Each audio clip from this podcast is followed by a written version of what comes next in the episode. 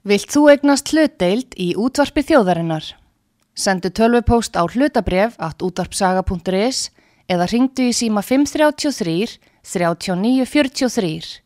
Útvarpsaga stendur vörð um tjáningafrelsið.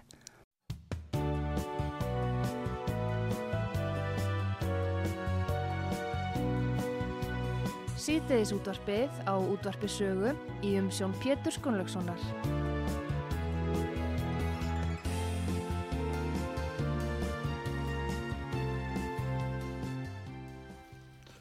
Góðir uh, hlustendur, þið er að hlusta á útvarpsögu, ég heiti Pétur Gunnlaugsson og gestur minn í þessum síðeistætti er Björn Þorri Viktorsson hæsturættalagumar. Velkomin. Takk fyrir Pétur, takk fyrir að bjóða mér og Já. til hamingi með daginn, Já, og til hamingu dag, nú er fullna, fullveldistagurinn heldur betur. og uh, þetta er náttúrulega uh, dagur sem öllum íslendingum ber að fagna. Já, það öllum rétt hugsandi Íslandingum myndi ég að mista kosti segja, það eru 105 ár síðan að við verðum fullvalda með formlegum hætti á ný, það er ekkert lítið. Heldur, hver heldur að sé þýðing uh, sko fullveldistagsins í hugarheimi Íslendinga? Ég, auðvitað get ég ekki sagt Nei. til um það nákvæmlega en, en, en svona, mig, mig grunar nú kannski að, að, að hérna, að svona þeir sem yngri eru gefi þessu nú kannski minni Já. heldur en svona þeir sem eldri eru. Uh, ég verð alveg var við það að, að það er minna gert úr þessum uh, stóra degi eftir því sem árin líða. Uh, bara þegar ég var í háskóla Já, að þá voru þá var semst, háskólinn og, og stúdentaráð og, og, og það samfélag allt mjög upptekið af þessum degi ég, ég held að það sé nú ekki lengur sko. þetta var hátíðistagur stúdent Þetta var mikill hátíðistafur stúdenta, það var það. Það var það. og þá voru fyrirlestrar Já, já, já, já, alls konar Og- málstofur og, já, já, menn tóku þátt í þess. algjörlega. Ég veit Það ekki það. hvernig það er í háskólanum í dag. Ég svo sem þekki það ekki í smáatriðum, en, en, en ég held einhvern veginn svona þessum degi og þessum tímamótum hafi kannski því miður um margt verið haldið minna á lofti svona í setni tíð heldur en, heldur en þá var gert. Og, og hérna einhverjur kunna segja að það sé nú kannski gert með vilja, ég veit ekki um það. Ég meina hér eru komnir fram stjórnmálaflokkar og stjórnvöld í dag sem að, sem að hafa jafnvel bara óbeit á sjálfstæðinu, hreinlega. Og stefna að því að afnema það með, með einhverjum hætti. Sumir segja að uh, fullveldi tengist uh, fyrst og fremst efnahag uh, viðkomandi þjóðar og aðri leggja áherslu á sko, menningalegt fullveldi. Við þegar við börðumst fyrir okkar fullveldi eða þeir sem voru á undan okkur að uh, þeir gerðu það meðal annars á grundvelli þess að verja íslenska menningu. það er rétt, og á 19. öld þegar fjölnismenn eru og Jón Sigursson líka þó hann var færin út í efnahagsmáli líka mm -hmm. Að eh, þessir, eh, þessir kappar og þeir voru nokkuð margir já, já, og uh, þeir lögðu áherslu á að Ísland væri hérna hefði sérstöðu sem menningarþjóð. Mhm, og þess vegna ætti hún að vera sjálfstæð. Já, þetta er geysilega mikilvægt. Vegna þess í dag er ríkjandi menningarstríð hvort sem okkur líkar Það eða er- ver. það er margt til í því en þessir, þessir menn kannski k- hvað ég að segja vegsa sko landinu hafðu þetta verið haldið niðri svo lengi ef ég má orða það þannig Já. ég meina í raun og veru alveg frá 1262 eða hvað það nú var þegar gamli sáttmáli var gerður að eh, þá auðvitað þá auðvitað voru Íslendingar ekki, ekki fullvalda og það er nú svo sem engum blöðum um það að fletta að það voru ekki engar sérstakar framfærir hér í þessu landi til dæmis á 14., 15., 16., 17. og 18. öld. þetta er bara gamla íslenska það, hér var bara gamla ekkert sveitafélagi Já, já. og, og, og lífsbaráttan hér var auðvitað mjög hörð Mm. og, uh, og það var eiginlega lítið um sko alvöru atvinnurekstur öðruvísi en svona bara sjálfsturtar búskap og einhverjir einstaklingar og þá eftir aðdökum bara einhverjir formenn sem áttu einhverja báta og voru með nokkra kalla í kringum sig. Þetta var auðvitað ekkert í, í stíl við það sem við þekkjum í dag og, og þess vegna höfðu kannski Jón Sigursson og fjölnismenn kannski ekki sömu forsendur til að leggja áherslu á efnagslega þáttin þeir kannski bara, já, það, það, það var allt svo óljóst hvað það var það. En Jón skrifaði um gildi alþjóðlega viðskipta, eða viðskipt, mm -hmm. viðskipti og frjálsa veslun Já, já. og hann var talsmaður þess og, og hérna þannig hann var svona svolítið langt á undan sínum tíma. Alveg klárlega og, og það sem að náttúrulega sko, það sem að náttúrulega sko Jón Sigursson er náttúrulega fættur hvað 1811 er það ekki á Rapseyri Varnafjörð Jú. Og 17. júni sem síðar var gerður að þjóðháttíða degi Íslendinga. Og, uh, og hann flyttur ungur til Kaupmannahafnar. Ég held að hann hafi bara verið 20 og 22-24 ára gammal eitthvað svo leiðis og fer þar þangað í nám. Og uh, í raun og veru sko þannig að það er þá einhver tíman líklega um 1800 og upp úr 1830 þannig að hann er þar stattur uh, og bjórendar alla tíð síðar í, í Kaupmannahöfn. Og uh, hann, hann í raun og veru verður uh, tekur þátt í því eða upplifir það auðvitað þegar að, þegar að danski konungurinn gefur frá sér einveldið. Það er 1848 eitthvað svoleiðis ef ég mann rétt. 49, eða 49, já, já, það er einhverstað um það bil og, uh, og í framhaldi af því þá, þá hérna hrindir Jón af stað vakningu hér heima með brefaskrifum og, og greinaskrifum reyndar líka. Og, uh, og þú sér það þetta er ekki nema síðan er sko þjóðfundurinn haldinn 1851 eh, þegar Trump kom í vekk fyrir það eh, fulltrúi konungs að, að það kæmist að frumvarp sem Jón hafði eh, í átt að, að frekara frelsi og þar sem allir fundarmenn stóðu upp og, og sögðu við erum mótmælum allir. Þarna er í raun og veru frelsisbaráttan komin á fulla ferð. En menningarleg sjálfstæðisbarátta fjölnismanna, hún hóst meðal annars því að reyna að bjarga íslensku tungu Já, og já. það er það sem við erum að gera núna. Nú heyri ég ráðherra halda því fram að við verum að leggja fram hvað á annan miljard til þess að já, kenna bæði íslitingum, ég tala nú ekki um útlendingum að tala íslensku. já, já. Og þetta er svona svolítið merkilegt þegar maður ber þetta saman því að nú er að hefjast uh, sjálfstæðisbaráttan hinn nýja og hún hefst með því að reyna að varðveita íslenska tungu. Er það ekki, finnst það ekki merkilegt? En þegar þú segir nú hefst sjálfstæðis baráttan hinn nýja, Já. ertu þá að meina það að við séum ekki lengur sjálfstæð? Já, við hvað? erum, já, það eru bara tekist á um þessi mál. Það er það. ekkert öðruvísi. Er alveg rétt. Og þess vegna er þetta barátta.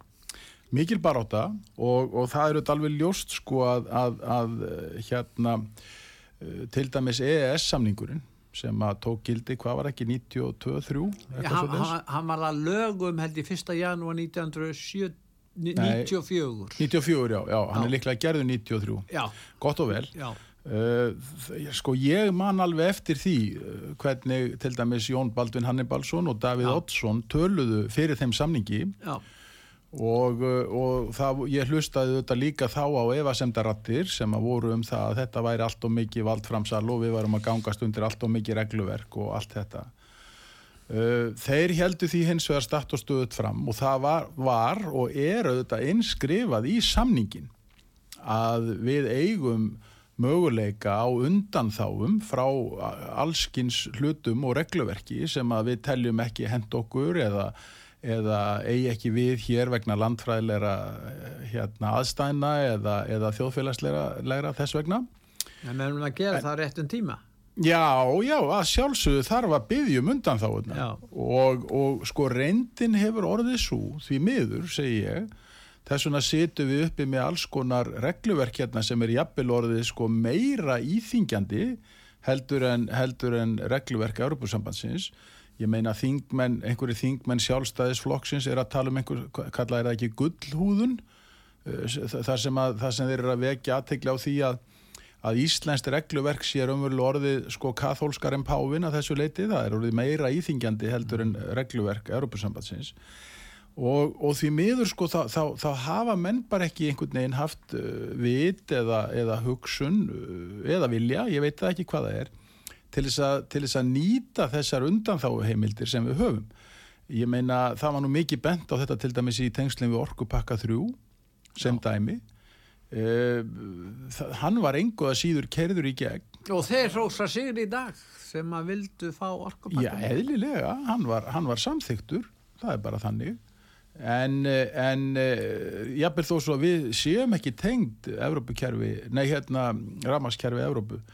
Uh, og svona veður alls konar, alls konar, eh, alls konar, eða vaða alls konar hlutir yfir okkur, kannski bara vegna þess að, að þetta er svona doldið eins og með hérna svona pepperoni uh, aðferðina sko, það er tekin ein og ein sneið sko og það tekur engin eftir því sérstaklega, svo allt í henni er bara pepperonið búið sko. En frá, 70, frá 1994 þá hefur þetta samrunaferli verið í fullum gangi innan Evrópu. mm Og eh, uppalega var náttúrulega Evrópu, efnahagsbandalagi Evrópu, fríverslunarbandalag.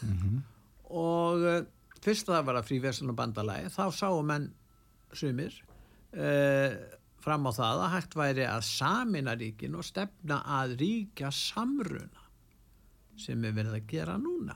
Og þá hafa ymsir draumar gamalla nýlendu sinna þarna innan Evrópu er að byggja upp nýtt stórveldi sem á að keppa við bandaríkjum það mistóst reynda með Evruna þeir ætla nú að verða öflugur í þá en, en, en þetta er svolítið merkilegt hvernig þetta hefur þróast og sannar það kannski að efnahagsmálin eru ansi tengt við, mjög tengt við fullveldið.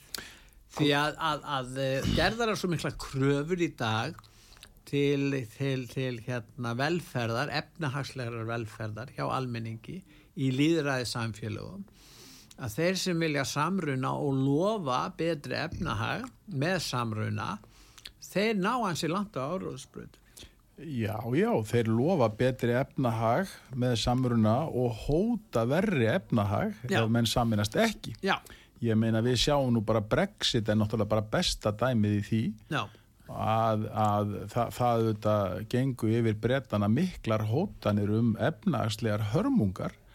Þannig að, að, að menn nota ökonomíuna og peningavaldið til þess að reyna að þjappa mönnum saman, það er alveg hár rétt það er ekki verið að velta fyrir sér neinu, neinu menningarlegum sjónamiðum eða sögulegum hefðum einstakra ríkja. Og kannski er það þess vegna sem verið er að reyna að þurka það út svona í rólihettunum ég, ég skal ekki dum það að segja en, en það er að mista kosti miklu minni áhersla á það.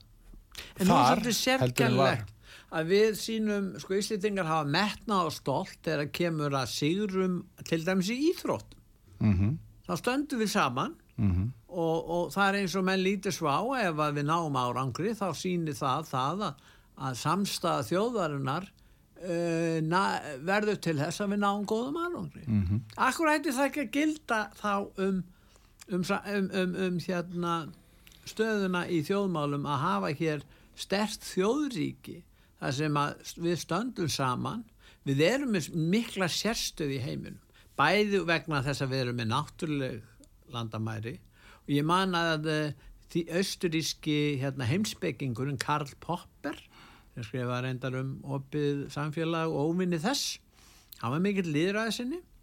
Hann talaði bara um eina landi sem hann veit að það færi saman land og þjóð það væri Ísland. Já, já, já, já. sem er náttúrulega stór merkja og akkur ættum við ekki að reyna að verja þá stöðu Já, ég, ég á ekki, ég, á- auðvitað ættu við að reyna það, ég er algjörlega sammála því, en, en, en af hverju við erum ekki dugleri við það en raunberi vitni, ég skal ekki segja, eitt af því sem að ég hef þó velt fyrir mér er það, að við eigum í sjálfu sér engin söguleg vandamál tengd landamærunum okkar, Nei. af því þau eru náttúrulega eins og bendir á, og, og þess vegna er kannski, leif ég mér að segja, sofanda hátturinn meiri, vegna þess að það er í, í raun og veru afskaplega lítil ef nokkur hefð fyrir því að verja þau yfir höfuð.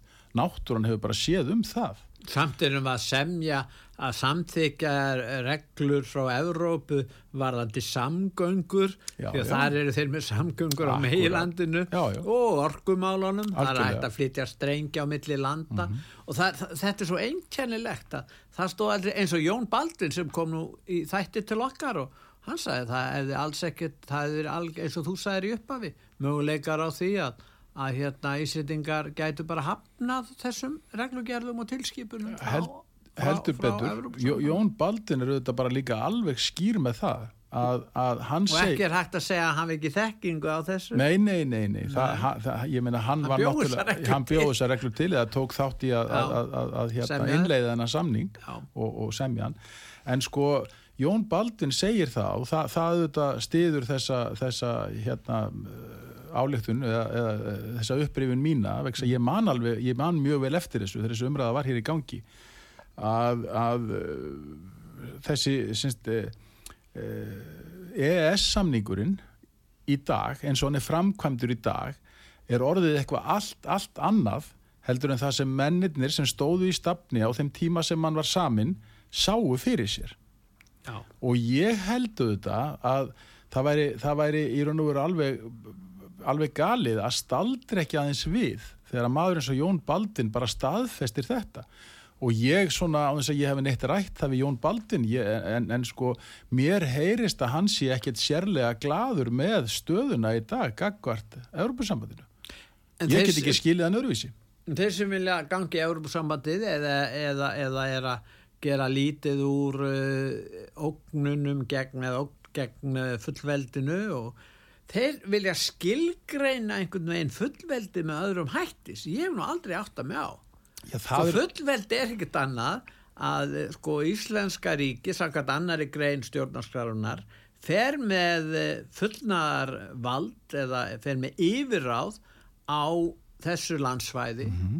Og, og engin annar. full og ótakmörkuð. Já, Já. og það er engin sem getur sko breytt því. nei, nei. Til dæmis það getur engin annu þjóð sagt, já þið verða að taka við 5.000 innflytjendum á ári. Nei, nei, Það getur engin sagt þá þið verða að borga 50 miljard á ári í lofslagsmál. Þið, þið getið það ekki. Og þið verðið að leggja til í NATO uh, 100 miljard á ári vegna þess að við þurfum að byggja upp hernað til að verja líðræðið og svo framvegs. Eh, Sko, þetta er alveg hárið rétt hjá þér, Pétur, en, en, en það sko, a, a, semst, allar slíkar skildur verða þá að byggjast á samningum, bara skuldbindandi samningum sem eru þá gerðir af aðilum sem hafa heimil til þess að skuldbinda Íslenska ríkið. Þetta er eins og einhver var að bera þetta saman við lögræðislaugin. Maður sem er fullvalda maður, hann gengur í hjónaband, hann gerir það fúsum á frálsum vilja. Ef einhver skipar honum að gera það og segir við hann, já þú verður að giftast þessari, þá erum við að tala um það að hann, ekki, hann er ekki fullvalda, hann ræður ekki sínum málum. Og ef hann þarf að ganga til samninga eða vinna vinnu sem hann vill ekki vinna, þá heitir það, það er þetta sem er. Mhm. það er þetta er alveg það sambærilegt. það, er- það, það, að mörgu leit er það það. En sko, ég, ég held bara að, að kannski, kannski, ég, ég- auðvitað veit ekki alveg af hverju, af hverju, eða ég hef það að minnsta kost á tilfinningunni að, að, að mjög margir gefi fullveldinu lítinn gaum og, og, og allt og lítinn að, mínu viti. Uh, vegna að sagan, sagan segir okkur það einfallega að, að frá 1262 eða þar um bíl þegar gamli sáttmælir gerður sem að, sem að Danir síðan yfirtaka og, og, og hérna og menn nýta í reynd, það er doldið merkilegt, í, í upphafi sjálfstæðisbaráttunar, þar að segja þarna um miðja 19. öld, að eh, þá, þá nýtir Jón Sigursson sér það að hann heldur því einfallega fram að, að þegar að, þegar að hérna uh, danski konungurinn er ekki lengur einvaldur í Danmörku þá sé gamli sáttmáli raunverulega úr gildi fallin Já. Vegna þess að það sé engin mót aðili raunverulegur eins og þá norski kongurinn var á sínum tíma. Og tengsl rofin við akkurat, akkurat. danska konungdæmi og, og, og þetta endar svo þessi, þessi baráttast endur síðan þarna í einhver 70 ár take og við fáum síðan sambandslögin uh, 1918 þau taka gildi Já, við fáum sko 1874 fáum við stjórnarskrá Akkurat, sem var mikilvægt, svo fáum við heimastjórn 1904 akkurat, og síðan þetta eh, formlega fullveldið, fullveldi já, sem er mikilvægst í dagurinn akkurat, og svo fáum við líðveldi 44 akkurat hittur allt vörður á leiðinni, Já. mikið lósköp en, en, en sko það sem að ég, sem að ég, ég kannski, mér langar að draga fram hérna vegna þess að ég, ég hef það á tilfinningunni að, að svo margir átti sig ekki á því uh, hvað í raun og veru uh, saga íslensks samfélags eins og við þekkjum það í dag er ógnar stutt og, og í raun og veru bara við getum eiginlega sagt uh, sem svo að nánast allt, þú getur, þú getur farið út úr húsi eða þú getur bara hvar sem þú er stattur á landinu og þú snýrir þér í eitt ring og veltir fyrir þér öllum mannvirkjum sem þú sérð þau er ekki nema, þau allra elstu það eru örfáar undantekningar rétt kannski 100 til 120 ára gömul. Já, og uh, það var ekki neitt hérna. Það, það, er að segja annað en bara landið og náttúran. Og fólk bjóði þetta bara, bara, bara jarðgerðum húsum að langstæstum hluta. Það eru örfáar undantekningar á þessu. Ég ætla ekki að gera lítið úr því. En að meginstefnu til höfum við byggt upp á síðustu kannski 120 árum já, e, allar fastegnir sem eru uppi standandi í dag meir og minna allt vegakerfi raforkukerfi hitaveitunar virkjanirnar öll mannvirk. öll, meir og minna öll mannvirki sem við sjáum í dag og þetta, það er engin tilviljun að mínu viti að þetta gerist uh, á þessum tímum sem við erum að fá fullveldi og ráðum sjálf okkar málum og ég held að sé bara einfallega þannig að það, það fer engin betur með þína hagsmunni hvort heldur sem þú ert einstaklingur eða hópur eða þjóð annar en þú sjálfur. En það er ekki vegna þess að stjórnmálastjettin á Íslandi stóð sér svona vel, heldur vegna þess að Íslandika þjóðin var dugleg og menn vildu bjarga sér. algjörlega Það, og, og, ég, fengu, og fengu til þess tækifæri Já, fengu tækifæri Al- til þess. Og, og Íslendingar gerðu eitt, þeir nýttu sér þau tækifæri og hafa verið mjög hlindir breytingum sambandi við tækn og annað. Mhm. En stjórnmálamennandi, þeir viljast að vera vilja breytingar á einhverjum allt öðru sviðum. Á sviði siðferðis og svo hann eins. Sem þjóðin hefur engan áhuga. Já, það er mikil áhersla á það núna og, og, og hérna, sko, ég, ég er ekki að tala um það að við eigum ekki að huga siðferðinu og við eigum að hafa það í lægi gerum það Mikil með, ósköp, með því að treysta á en- það sem við höfum byggt upp algjörlega og, og, og, og ég, bara svo áður, áður en við sleppum því, ég ætla ekki að gera lítið úr því að, að auðvitað, auðvitað var það nú þannig að, að, að kannski bæði stríðin, uh, bæði fyrir og setna stríðin, þau, auðvitað, þau kom okkur dálítið á kor, kor, kortið. Við auðvitað högnuðumst á þeim sem, sem uh, samfélag og sem þjóð. Uh, Marshall aðstóðin og allt þetta. Ég, við, skulum ekkert gleyma þessu. En, en það sem að, en það sem kannski skipti mestu máli var það að íslenska þjóðin og, og, og landsmenn fengu trú á lífinu og tilverunni. Þeir fengu tækifæri til þess að ráða sínum málum sjálfur og taka eigin ákvarðanir, vel í grundaðar ákvarðanir. Og ég bara bara gleðst yfir því að segja það í dag á fullveldistægin að ég held að sé leitun að nokkri annari þjóð bara á jörðinni sem hefur gert uh, sko við líka hluti eða spila jafn vel úr sínum tækifærum eins og Íslendingar frá því, frá því um 1900 Við, við, allavega sjáum það til dæmis eh, eins og í Kína þegar að það er gefið meira frelsi til þjóðar, nú fær meira frelsi eh, þó að það sé kommunistastjórn þar, þá innleiða er markashækkerfi og fá mm -hmm. aðgangumörkuðum. Það er náttúrulega kraftaverk breytingin þar. Já, hinn ökonomiska breyting er mikilvæg en ég veit nú ekki hversu mikið frelsið þar að segja einstaklingsfrelsið um verið- frelsi fyr, já, Já, til viðskipta, já, já, já, já. sem að er náttúrulega veitir frels á ymsum öðrum Já, sviðum. akkurat, akkurat. og svo er það Írland sem var nú Mhm. fátætt ríki en, en það urðu þar heilmiklar breytingar já ég veit ekki hvort að, að samkómulagi sem var gert um Norður Írland og, og eitthvað slíkt hafi haft áhrif en það er alltaf ljóst að tengsl Írlands við bandaríkin eru mikil þannig að þeir fá þangað inn hérna, þessi stóru fyrirtæki sem fara inn á markaðin en, en þetta eru svona dæmi um þjóðir sem að hafa breytt stöðu sinni Írarnir eru nú, ef ég þekki þetta rétt, skattaskjóla einhverju Já, leiti, er það svo er þetta skattaskjól Já. eins og hollendingar Það er málið, sko. já, Svo að það gleymist nú ekki, Nei, sko. nei. En, en hérna, en ég, ég, ég veit það ekki, ég, ég, ég, eins og ég segi, ég, ég, ég held að við höfum að, að vera pínlítið þakklátt og stolt. Við höfum að vera stolt sem þjóð af því sem okkur hefur tekist að gera og ótrúlega stuttum tíma og auðvitað aðalega forfæðurum okkar. Uh, ekki það að við erum enn að gera glæsilega hluti af því við höfum trú á sjálfum okkur. Við, það, það er haldið uppi góðu mentunastí og allt þetta, ég menna Care-Essex og hvað þetta heitir allt saman, Já. öll þessi glæsilegu fyrirtæki þar sem menn hafa byrjað bara með einhverja hugmynd og, og, og, og þekkingu og óbylandi trú og áhuga, kjark og þór ég menna þetta er, við höfum að vera stolt af þessu, að sjálfsögðu. Við eigum ekki að vera að tala okkur endalust niður og það að vera stoltur af því að vera Íslendingur það er engin þjóðernis populismi, þetta er bara einhvers konar stimplun sem verður að reyna að setja á fólk fyrir það að vera bara stolt af sér, sinni þjóð og sínum uppruna ég bara neita að, ég, ég meina ég er þá bara þjóðernis populisti ég bara, og er þá bara stoltur af því. En við þurfum að vinna gegn eh, þunglindis hugmyndum og, og kvíða hugmyndum. Já, Við þurfum sko möguleikar ungu kynslaðunar hér á Íslandi eru gífulega miklu möguleikar. Ef að við nýtum þær náttúröðlindir sem við höfum en það er alls konar vandamál til dæmis ungir kallmenn eiga erfitt uppdráttar og þetta er vandamál, þetta er einlega félagslegt og menningarlegt vandamál sem að væri hægt að ræða mikið um en Já, við getum kannski komið að því eftir eftir auðlýsingar já, já, það er ákveð, ég er sammálaðir, það er ákveð vandamál staðan þar en, en, en,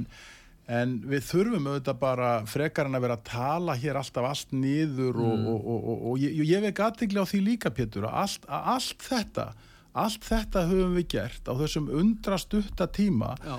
með þessa, með þessa handónýtu íslensku krónu sem margir tala um sko, hún hefur bara gagnast okkur ágætlega, ekki, með því er ég ekki að segja hún sé sko algóð eða gallalös, ég, ég er ekki að segja það. En, en, en alhæfingarnir eru svo miklar. Og, en íslenski stjórnmálamenn og þeir sem hafa stjórna hér peningamálum hafa nú ekkert staðið sér sérstaklega vel. Alls ekki og þannig ég held að flestir viðkynni það alveg saman Já, hvaða flokki klá, klárlega. Og taland um peningamálin þá er það auðvitað bara þannig að, að, að hérna, menn auðvitað bara réð ekkit við það verkefni og kannski ráð ekki enn. Ég, ég meina það er margt mjög gaggrinni verðt þar uh, á ferð í dag þó það sé ekki umræðefni þessa þáttar. En, en til að mynda bara eins og með með hérna, tilkomu hinnar myndarinnar, það er nefnilega svo margt, margir sem átt að ekki á því að við erum með tvær myndir í þessu örhagkerfi. Það, það er eiginlega ennþá fráleitar að hugsa sér það sko. Já. önnur er svona sögulega eins og veikasta í heimi en hinn er svo eiginlega allra sterkasta í heiminum. Og það er, það, það er þessi verðtriða íslenska króna sem er bara allt annar gjaldmiðl sko, hún Já. gæti alveg eins heiti spesi eða líra eða, eða, eða hvað annað sem er sko svo saga kemur auðvitað bara til vegna þess að að menn lenda hér í, í miklum vandamálum eftir að þeir öllu að, að, að laga hér ástandið með upptöku verðtryggingu 1979 og verðtryðu bæði laun og lán. Eh, niðurstaðan var svo að það byrjuði þessar miklar vikslverkunarhækkanir sem var mikið talað um þá og þá er hann að vera í óðagoti eftir að verðbólga hafi farið yfir 100% á einum ásfjörðingi þá kliftu menn á verðtryggingu eh, launa. Já, já.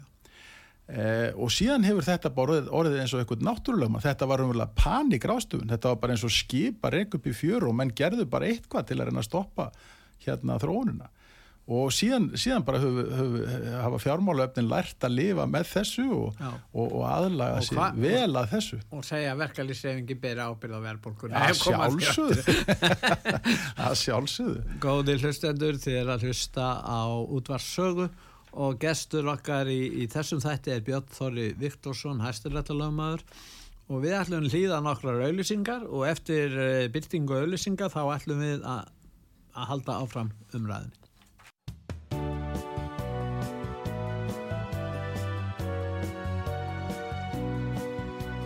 Síðdeðis útvarpið á útvarpi sögu í umsjón Pétur Skunlökssonar.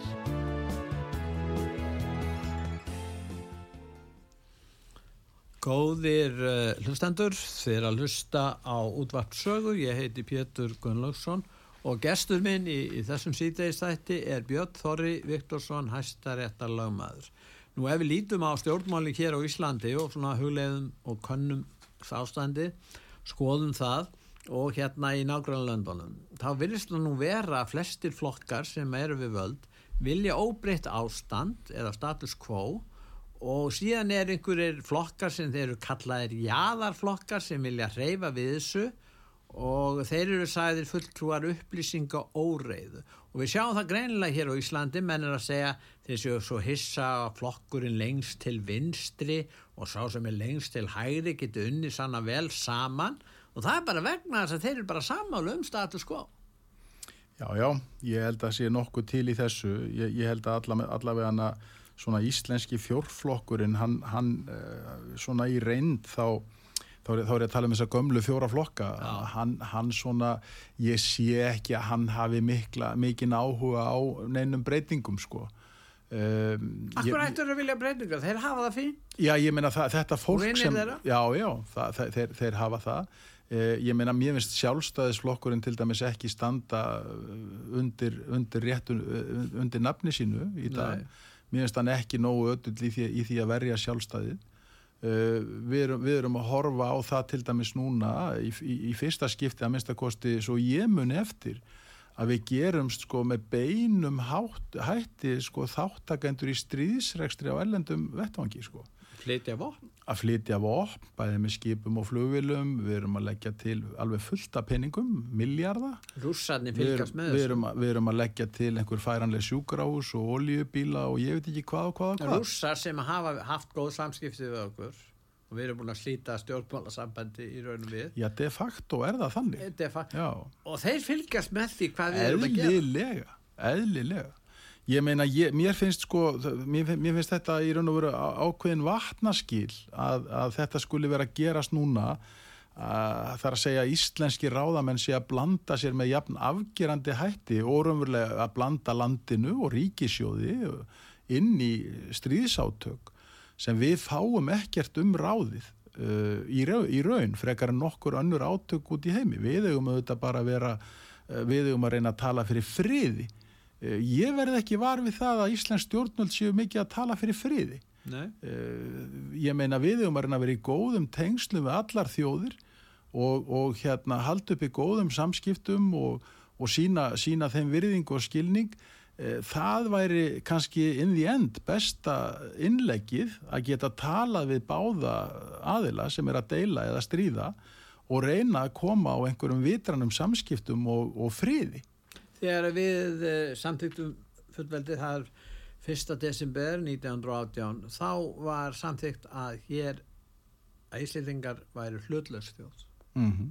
hlutlöstjóð mm -hmm. og að hins vegar fó eftir setna stríð þá kom kaldastriðið og þá fórum við að verða hlut af NATO eins og jú, jú. flestar aðra þjóðir hérna í Evrópu mm -hmm. Uh, en hérna, nú er náttúrulega NATO hefur breyst úr því að vera varnabandalækja kommunisma og Sovjetríkjónum ja, Sovjetríkin er ekki lengur til. En þá heldur þér áfram starfi sínu sem, sem, og þá reyndur þér að, að þennja út bandalæð og já, eru já. að því ennþá og, og ég spurtu spyrst mig af hverju, ég meina hvers vegna þurftu við NATO að, þegar að Vassjórbandalegi var lagt af, akkur var ekki bara hættu við og tókum bara blutleysi stefnunni? Þetta er ágætti spurning sko, ég, ég meina uh, ég er alveg sammála. Mér, mér, svona, að fylgjast með svona bara sem venjulegu borgari þá, þá hérna sínist manni NATO verið orðið alltaf annað heldur en það var á þeim tíma alveg Já. klálega og, og, og eins og ég segi það, það er svona það eru mikil afskipti, ég meina bandaríkja menn eru meir og minna með puttana uh, út um allan heim. Og uh, ég, ég, eins og ég segi sko, þeir eru auðvitað stórir og öflugir og, og, og, og vilja koma sínum hagsmunum fyrir, sagan segir okkur það, mm. þeir eru auðvitað fyrst og fremst í því að, að verja hérna bandaríska hagsmunni og uh, oftast er það nú þannig að, að auðlindir tengjast með einhverjum hætti þeirra afskiptum af ófríði eftir aðdugum á, á, á öðrum landsvæðum mm. það, er bara, það er nú bara þannig en, en, en, en sko aðeins, aðeins hérna sko uh, hérna uh, að því við vorum að tala um Evropasambandið á hann sko um, og, og, og það er ákveðin hópur fól sem vill bara í raun og veru afsala sér fullveldinu og ganga Já. bara inn í það samband mm auðvitað veit ég að það er ekki gert sko með formlegum hætti en de facto er það þannig og kannski erum við bara komin allt og langt uh, inn á þær brautir til þess að getast með almennum hætti kallast fullvalda.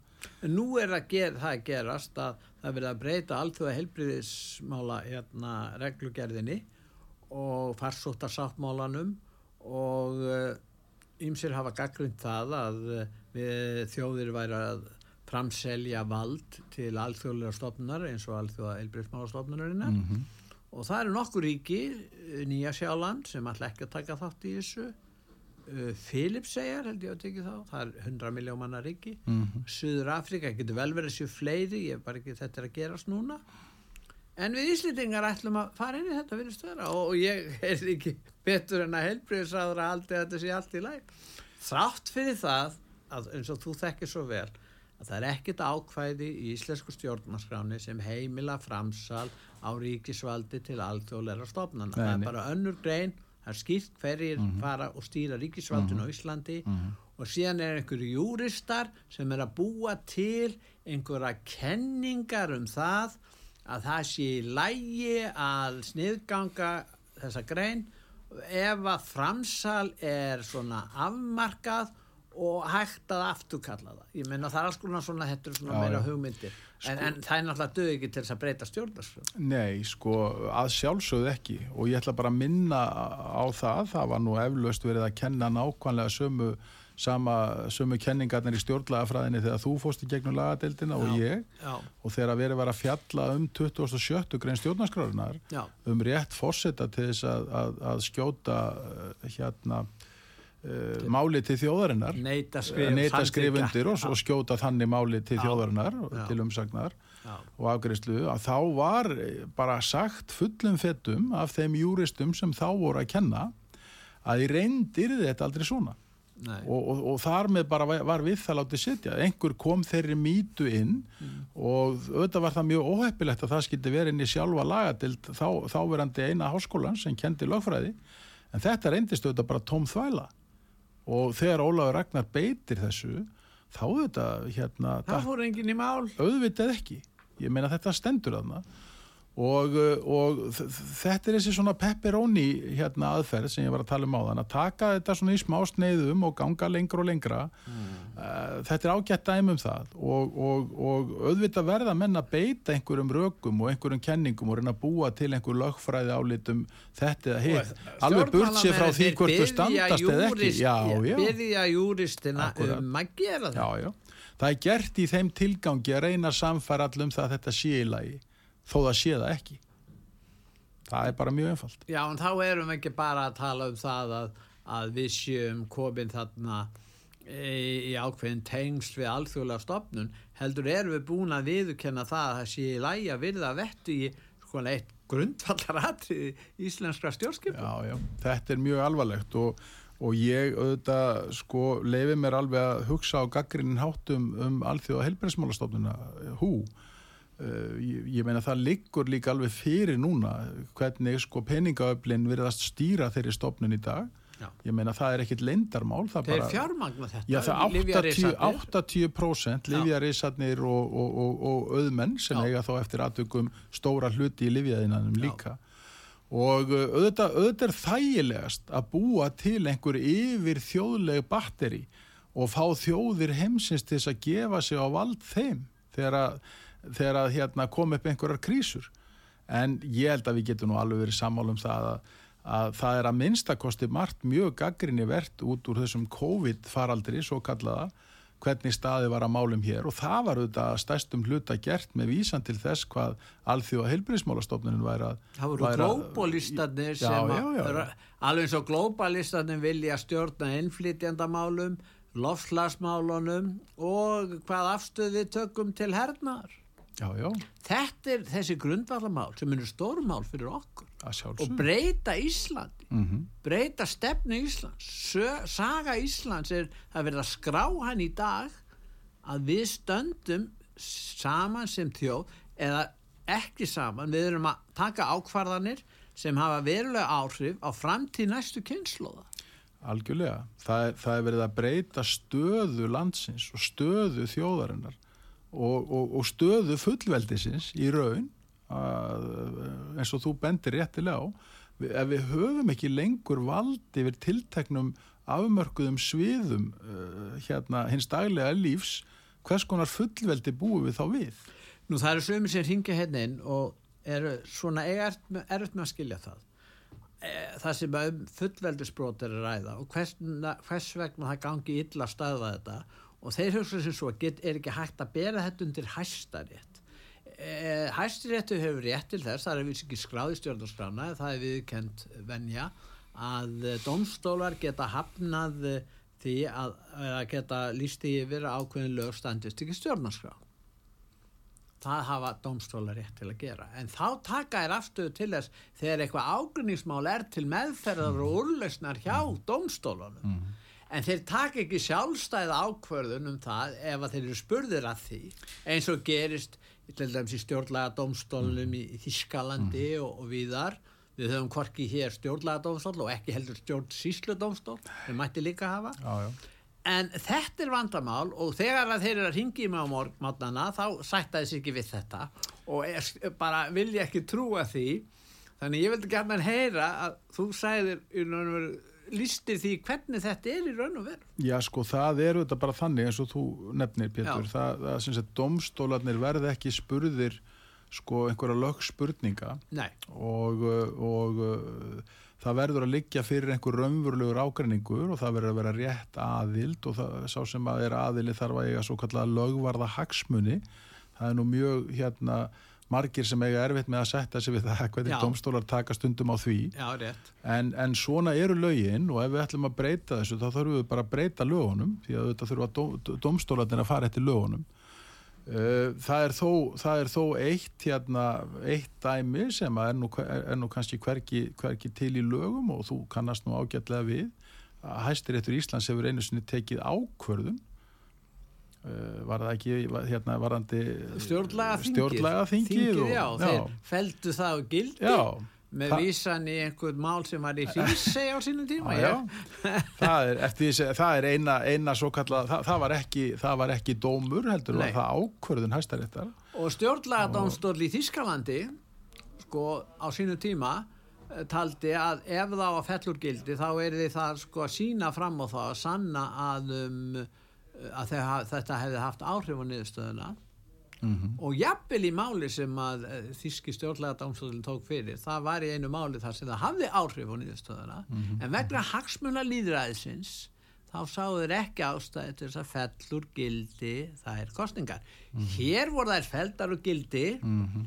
án þess að sínt væli fram á að þessir annmarkar uh, hérna sem átt að vera á, á framkvæmt kostningana Var það ekki, var það ekki engin áhrif á niðurstöðuna var, var það ekki hæð einhverja pappaspjálta mann ég þetta ekki rétt Jú, það, það var svona, en ef þú skoðar allir sviss, ég nú séð það þar og í bandaríkjanum mm. þar, e, þar verður miklu lægri skil á milli sko. en það var þetta númer sem menn átt að kjósa eftir mm -hmm. þannig að það var út til loka að fylgjast með en einhvern veginn tókst þeim að, að búa þetta til og ég held að bara hreinlega hæstiréttur hafi nú haft lítinn áhuga á því að eitthvað fólk út í bæ var að taka að sér að semja ykkur að stjórna já, það kann vel að vera. Og þeir voru allir sammála. Já, þeir voru allir sammála. það, það var svo leiðis en þetta er sem sagt megin regla uh, á Íslandi og, og, og hérna og, já, það, það, það þarf, þarf að liggja fyrir umverulegur ágreiningur uh, og það þurfa að vera lögvarðir hagsmunir með tilliti til þeirra aðila sem að uh, sem að hérna uh, komað málinu En, en ástandið í Evrópu, af því að, af því að þú erum að tala um það, sko, uh, ég, ég held að um margt er ástandi hér heima, já bæði Evrópu og bandaríkjónum, svo sem það er margt skrítið að gerast þar líka, við, við fáum ekki að heyra það allt nefnilega í meginstunum það er svo skrítið. Það heitir upplýsinga óreiða. Já, við... já, já, og ég er svona, ég meina að því að það, við, erum, við erum nú að leggja dalt út af fullveldin í dag. Já. Og þá, þá, þá er það enn einn pepperoni sneiðin sem búið er að skera af því að, að, að, að það liggur fyrir að þessir meginströmsmiðlar með rúf í brotti fylkingar hafa gert samkómulag við ymsa uh, aðra miðla uh, bæði í Evrópu og Bandaríkjónum um að takmarka upplýsinga óreiðu innan gæsalappa og flytja bara sömu fréttir og þessir miðlar. Reuters, Og- Associated Press akkurat og BBC Gefa og. CNN Já, og, já, og þessir miðlar sko Já, og, og þetta er þa- þa- þannig er í raun og veru ákveðið fullveldis afsal segi ég af hverju er okkur ekki treyst til þess að fá að heyra allar fréttir? Af hverju megum við ekki af hverju er búið að taka á okkur sko fréttaflutning? Svo erum við ríkisfjölmiðl sem að stýrir Já, hér já, þessu já, þetta er hefur- svona pínu sovjetlikt af þessu eins og þetta var þar. Og, og það er svo furðulegt einhvern veginn að, að að okkur skuli ekki vera treysti þess að hlusta á fréttir. Ég, ég, nú er ég ekki að gera lítið úr því að auðvitað er alls konar hérna uh, óreiða í upplýsingum og hefur alltaf verið, það er ekkit nýtt. Það er bara svo Og- mikið það er svo upplýsingar þar erum svo margt núna í dag. Við hefum svo erfitt með að meðtaka Já, það er alveg það er miklu meira magn af þeim. En, en þegar að menn eru farnir í raun og veru að beita rítskoðun, þetta er auðvitað bara annað orði við rítskoðun Já, A, og, og í raun og veru að stýra því hvað heil þjóð fær að, að heyra. Og við auðvitað bara áttum okkur á því að, að til að mynda það sem hefur verið að gerast í Hollandi, það er ekki lengra frá okkur sko. Já, Argentínu Argentínu, Fraklandi Já, ég meina við fáum ekki að heyra Ítalíu. Já, já, við, við fáum ekki að heyra þetta í þessum meginströmsmiðlum. Ég meina, rítskoðunin, hún tekur líka til þeirra hluta, en, en, en það er einmitt þetta að, að, að venlött fólk er bara að rýsa upp sem telur að það sé bara of langt gengið í alls konar regluvæðingu og sett þá sviftingu fullveldis þessara ríkja Útþenslu báksins, Og- sameigilega reglna og allt þetta, já, já. Og, og, en við fáum bara ekki að heyra um þetta og þetta er mjög slæmt og mér finnst að þurfa að opna um þetta umræðu og bara hreinskipna umræðu skilur, ekki, ekki, ekki til þess að vera öskur og æpa hvert Við annars getum sko. tekið bara nýtt dæmi núna alþjóða helbriðsmannastofnun Já, hvernig, hvernig hefur umræðan verið í rúf um þetta það mál, varandi framsal á það ríkisvaldi er bara ekkert um það að tala Nei. og þú getur talað við þingmenn sem vita ekkert um þetta mál. Ég hef bara heyrt ykkur hér á sögu tala við þingmenn sem vita bara ekkert um þetta mál og Nei. þetta er auðvitað bara sorglegt það er bara alveg sorglegt að, að verða að vitna þessu en, en, og það er ekki endilega þessu fólki að kenna heldur, heldur einhvern veginn. Er, er ákveðin stýring. Þingmenn eru auðvitað bara líka fólk bara eins og Já, ég og þú. Já, já. við erum allt bara strákar og stelpur í grunninn sko. Eða þú veist, þú skilur hvað er að fara. Ég meina það er bara það er bara, það er bara þannig, við, við erum bara hérna uh, hvað ég að segja? Já, við við, við, við, við, við erum bara að reyna að gera okkar besta svona í mannlegu samfélagi. verur að gera okkar Akku- besta. Akkúrat, það er bara þannig. Og, og hérna þannig að, þannig að ég, ég hef pínu áhyggjur af þessu. Og mér finnst þetta svona að vera fullveldismál líka. Auðvitað á fólk, auðvitað á að treysta fólki til þess að hlusta á fréttir Pétur, Já, Hva, hvers konar hverjum datt þessi snildi í huga fara að takmarka það.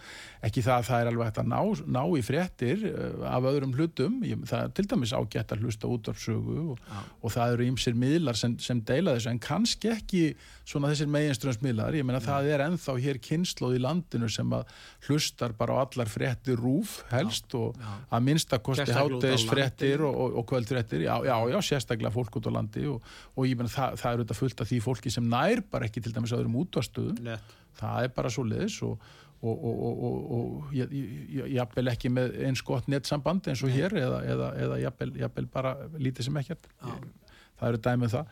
En, en, en þetta er ágefni og, og, og mér finnst í raun og veru uh, sérstakt að verða vitna þessu. Ég meina þeir sem að hafa uh, aðrar skoðanir uh, og, og telja sig hafa gögn og upplýsingar til að færa fram það er heldur, þeir komast ekki að hjá rúf jafnvel þó þeir óski eftir því sko það er bara það er, Nú, við erum komin, já við erum búin með tíman en eigum við ekki bara að hérna mæla með því að við verðum bjarsín og, og um, þó að hlutinni séu nú með Jú, þessum hætti að þá betur. er langt best að eins og menn segja á ennsku, ef maður gera sletta hér, be happy warriors eins og já, já, já, að vera svona hamingu samir baráttumenn. Akkurat. Og, og, og þetta er raun og veru það sem við þurfum að gera og, og vera glöð og hamingusöm og, og fagna hverjum sigri. Algjörlega. Og, og, og þegar við fagna því þegar kjósendu, jafnvel í nágrannlöndum okkar segir hingað og ekki lengra Mhm. við viljum ekki sætt okkur við þetta